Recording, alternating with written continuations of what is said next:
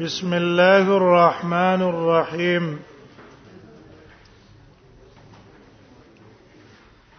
حدیث مون بیان کړو چې نبی صلی الله علیه وسلم فرمایلی لا تكذبوا علي فانه من يكذب علي يلج النار په ما باندې دروغ موای زکه چې چا په ما باندې دروغ وویل جهنم ته بنه نوځي الله به جهنم ته بوزي کذب څه ته ویل کیږي نو کذب ویل کی الاخبار عن الشيء على خلاف ما هو له خبر ورکول د یو شینا علا خلاف ما هو لا په خلاف د هغه باندې چې دا د هغه د پاره ده حقیقت کې خبر یو شانی او ترا اولګيږي د هغه په خلاف باندې خبر ورکې دي ته څه ویل کیږي دې ته ویل کیږي کذبا لیکن د اهل سنت والجماعت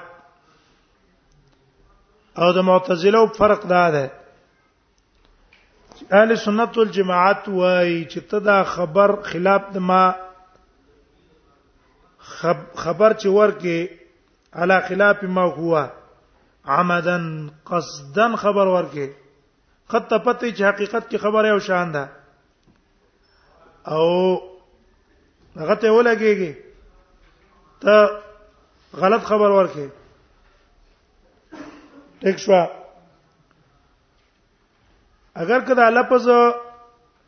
صحیح تم شامل لے خو لیکن هغه به په حکم کې داخل نه ده او د معتزله من عمدن کان او سهوا نه اهل سنت والجماعت وای ته چې دا خبر ورکه خلاف اخبار عما على خلاف ما هو عليه برابر خبره ده دا اخبار عمدني او که سهوني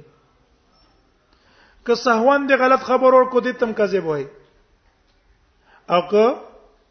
عمدن دی ورکو دي تم کذب وای یک شو ادا د سنت الجماعت تقیده ده معتزله په کې قید وای چې نه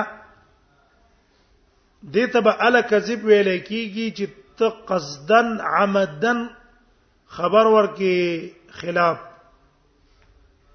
اما هو علی نه خلاف عمدن قصدن خبر ورکې ال به کذبی او که په نسیان د خبر ورکو د تکذیب نه ویل کیږي لیکن اهل سنت والجماعت وايي چې نه د دې احادیثو نه معلومیږي من کذب علی متعمدا کله سم متعمد دې کنه ده دی احادیثو کې قید د څه لګیدل متعمد نو دینه معلوم شو چې را دا قید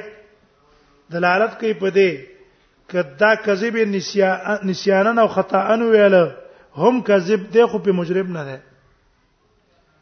کچرتا په نسیان کذب باندې اطلاق د کذب نه کېدل نو بیا رسول الله صلی الله علیه وسلم قید د عمد سره لګول نه خدا قید د عمل چې اولګو په دې باندې احتراز وکړو د چانه احتراز وکړو د نسیان نه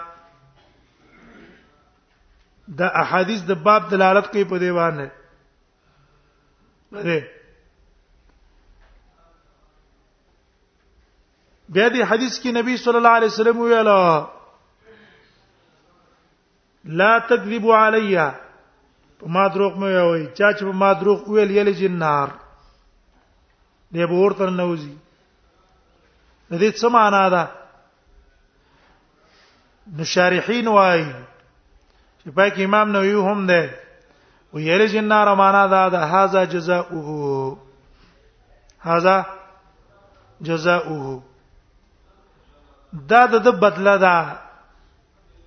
دې څه ده دې بدره ده چې جهنم ته بدانه نه وځي خو کله الله پاک بدل بدل ورکی او که خوخه شو الله به معاف کی لازم نه ده چې بوزي به چې کله سړی کې ایمانو څنو په شرط د دې چې د مستحلم د دینو او دروغي اوله د بدله ده باقي الله خوخه ده که بوزي بو بيزي او کني ماپ پېږي او که سزا ورکولا جهنم ته به بوزي د لک وخت پاره دایمي وي په عذاب کې پری دي نه دایمي وي په عذاب کې نه پری دي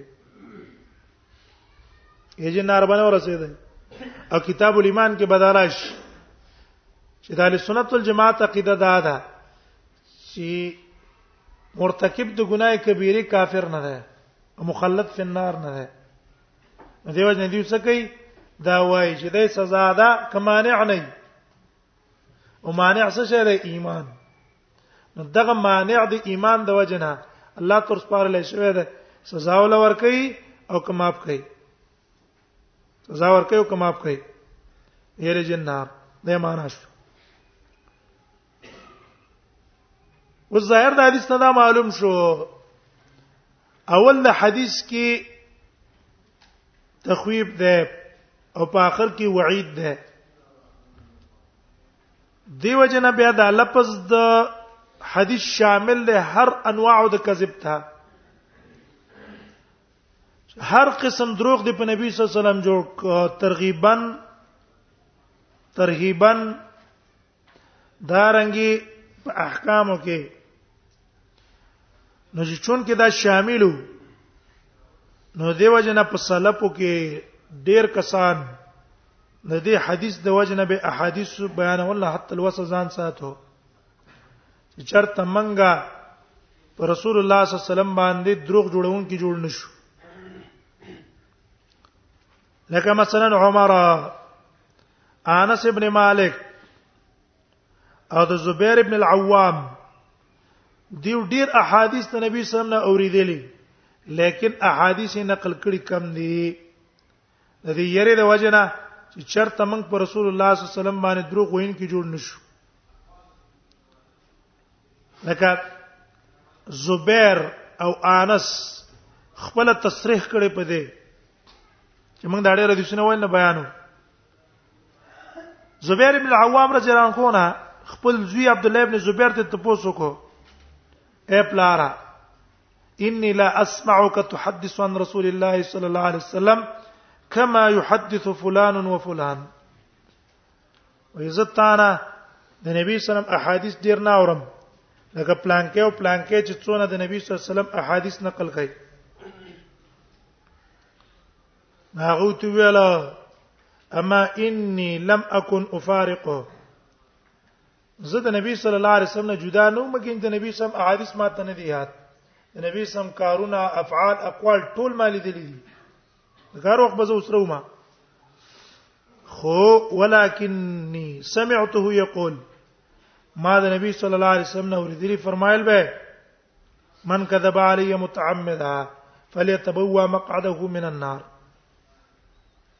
وي دغه حدیث د وجنا ز احادیث بیانول نه ځان ساتم اسنه چرته پر رسول الله دروغ جوړ نه کوم دارنګه د انس ابن مالک نه قول له انس وای انه لا يمنعني ان احدثكم حديثا كثيرا ډېر احادیث بیانول نما من کې دا خبره ان رسول الله صلی الله علیه وسلم قال من كذب علي متعمدا چا چې ما باندې قصدن دروغ جوړ کړ ځان له جهنم کې ځای جوړ کی لیکن د دې په مقابل کې جمهور صحابه او جمهور علما هغه د نبی صلی الله علیه وسلم احادیث بیان کړي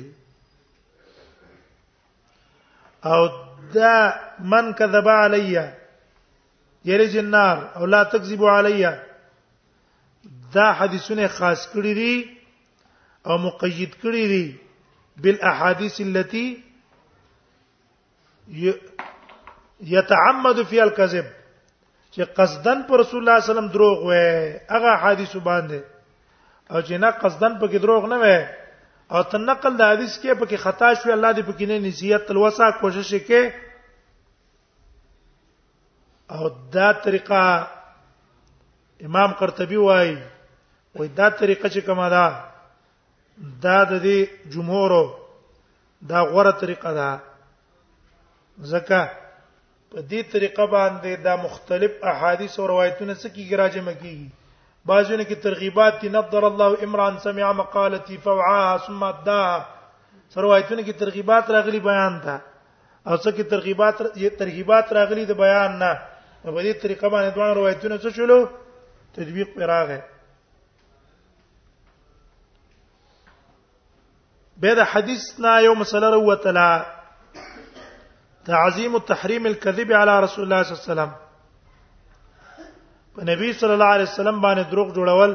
ډېر لوی جرم دی خوز د علماو په دې کې اختلاف دی چې چا په نبی صلی الله علیه وسلم قصدن دروغ جوړ کړ او مستحیل نه دی مستحیل نه ده حلال نه غني که حلال غني به خو خبره نشته مستحیل نه ده حلال دی عمل ته نه وای او بهم پر رسول الله قصدن دروغ جوړ کړه آیا په دې کافر ده کنه ده په دې کافر کیږي کنه یو د جمهور علماو مذهب ده جمهور علما وايي چې په دې دروغ جوړولو باندې دا کافر نه ده مګر الا چې کله دې د دروغ ویلو ته حلال وایي دروغ ته حلال وایي نو بیا په دې باندې کافر ده دویم مذهب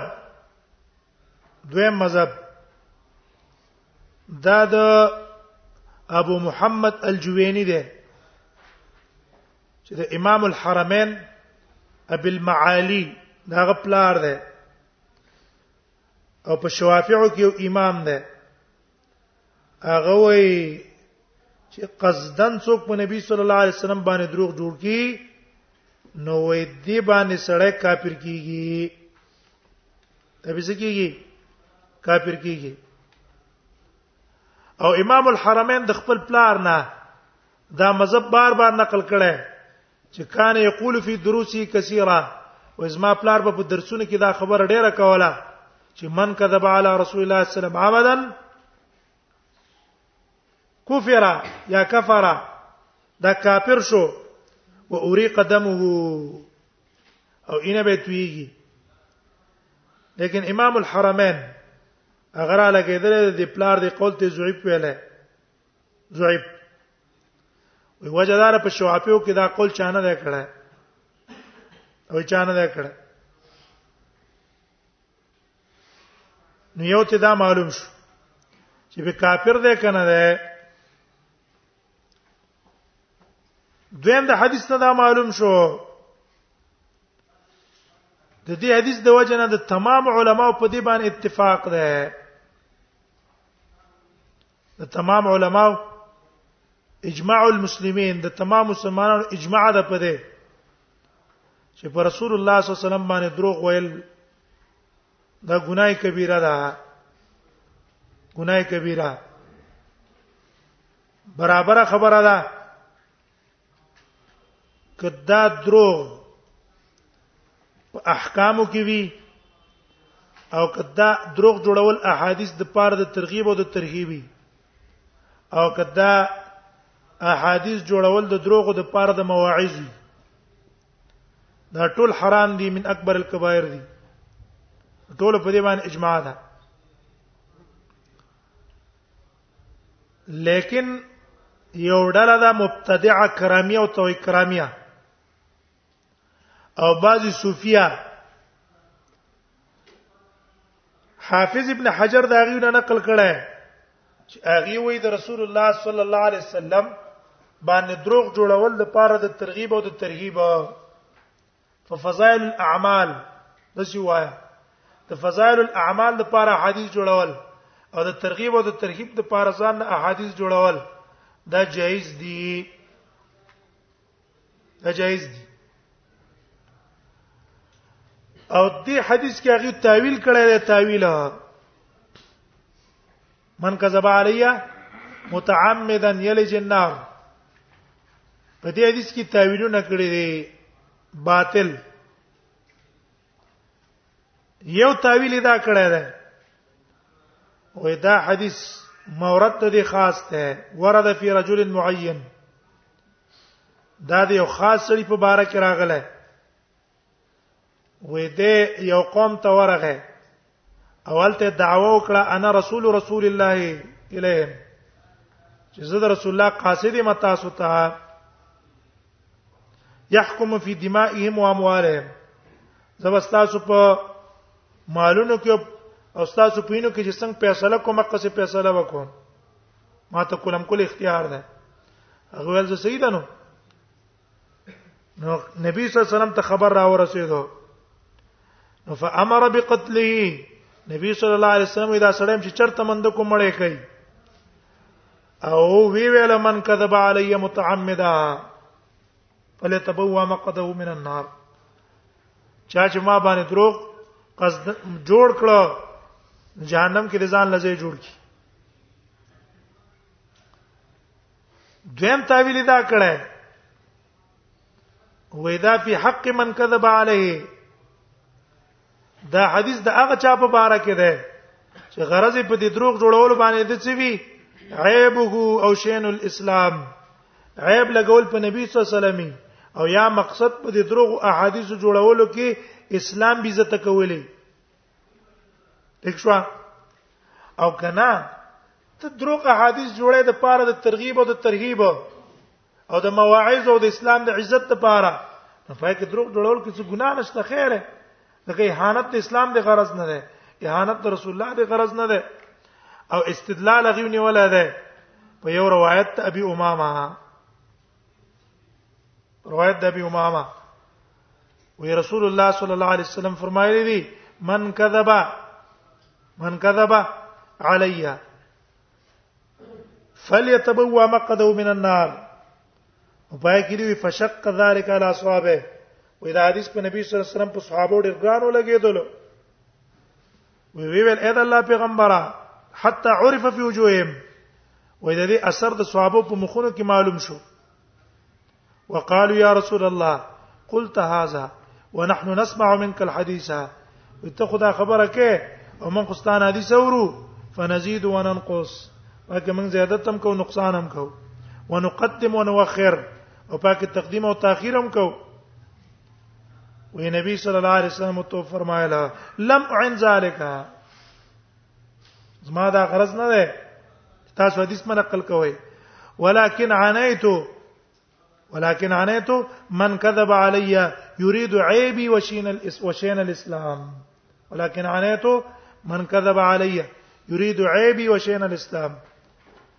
زما اراده هغه څوک ده چې زما اراده په ما باندې عیب لګولې او په اسلام باندې تهمت لګولې درم وی ګوره کله چې ته دروغ جوړ کې د پاره د ترغیب او د ترهیب او د فضایل الاعمال نه دا کذب للنبی دی لعل النبی دی دا چې دروغ احادیث جوړ کړل په اړه د فضائل الاعمال دا کذب للنبي ده کذب علی النبي ده کذب للنبي ده لا علی النبي ده او په حدیث کې من کذب علی ده چې په ما جوړ کړل دا د په نبی نه دی جوړ کړی د نبی د پاره دی جوړ کړی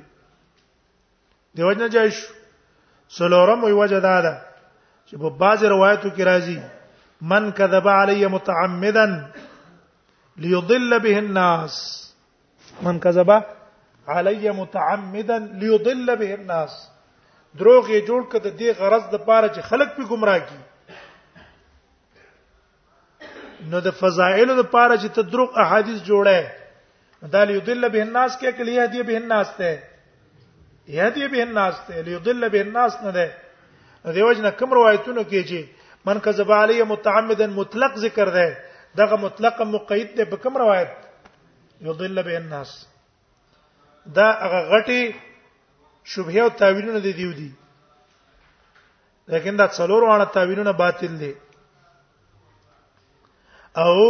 د ټول علماو اجماع ده چې هر قسم دروغ ویل ناروا دي اول چې دی ذکر کړی دی سبب چې انده یو خاص په باره کې نازل لې لم یثبت اسنادو اول دغه کسی سند سره ثابت نه ده یعنی یو کس لګل او پر رسول الله ته قصې ویلو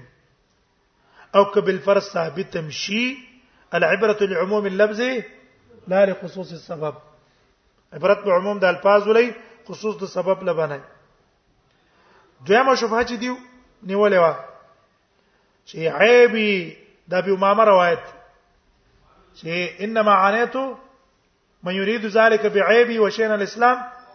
نو دغه روایت چې ده باطل ده امام حاکم هم وی باطل ده ځکه پای کې محمد ابن الفضل ابن عتیه ده او كان متروك الحديث او يزع الحديث او اجمعوا على ضعفه درېمه شوبه چې دی ویلې و چې دا کذب پر رسول الله نه ده کذب لرسول الله ده دا غلطه ده دا څه ده باطل ده ولې ته چې ترغیب ترهیب جوړه نو په ترغیب ترهیب کې به یو عمل فضیلت بیان نه کنه به بیان نه او دا فضیلت ته په چا په الله دروغ جوړ کړل کو نه چې په دې عمل الله دوه اجر ورکړي دا په الله دروغ جوړ نه کړ پر رسول الله دې دروغ جوړ نه کړ دا ترغیب او ترهیب او فضائل الاعمال پر رسول الله څه ده دروغ ده دویم دی عمل باندې ترغیب ورکه کنه ورکه چې په دې عمل کې دونه ثواب ده دا احکام ته رجه کیږي کنه کیږي اے د دې عمل استحباب ثابت دی دا استحباب حکم شرعي دی کنه دی دا به حکم شرعي دی بیا دروغ په احکام شو او څلورمه شبهه چې را ليضل به الناس راغله ليضل به الناس نو جواب دا غي دا ده جواب چې دا زیادت ضعیفه دا ضعیف دی ضعیفه ضعیف دی او قبل فرض دا زیادت سیم شي دا لام د عاقبت ته عاقبت دا نبی صلی الله علیه وسلم باندې چا دروغ جوړ کړ د دې دروغو عاقبت څه ده عاقبت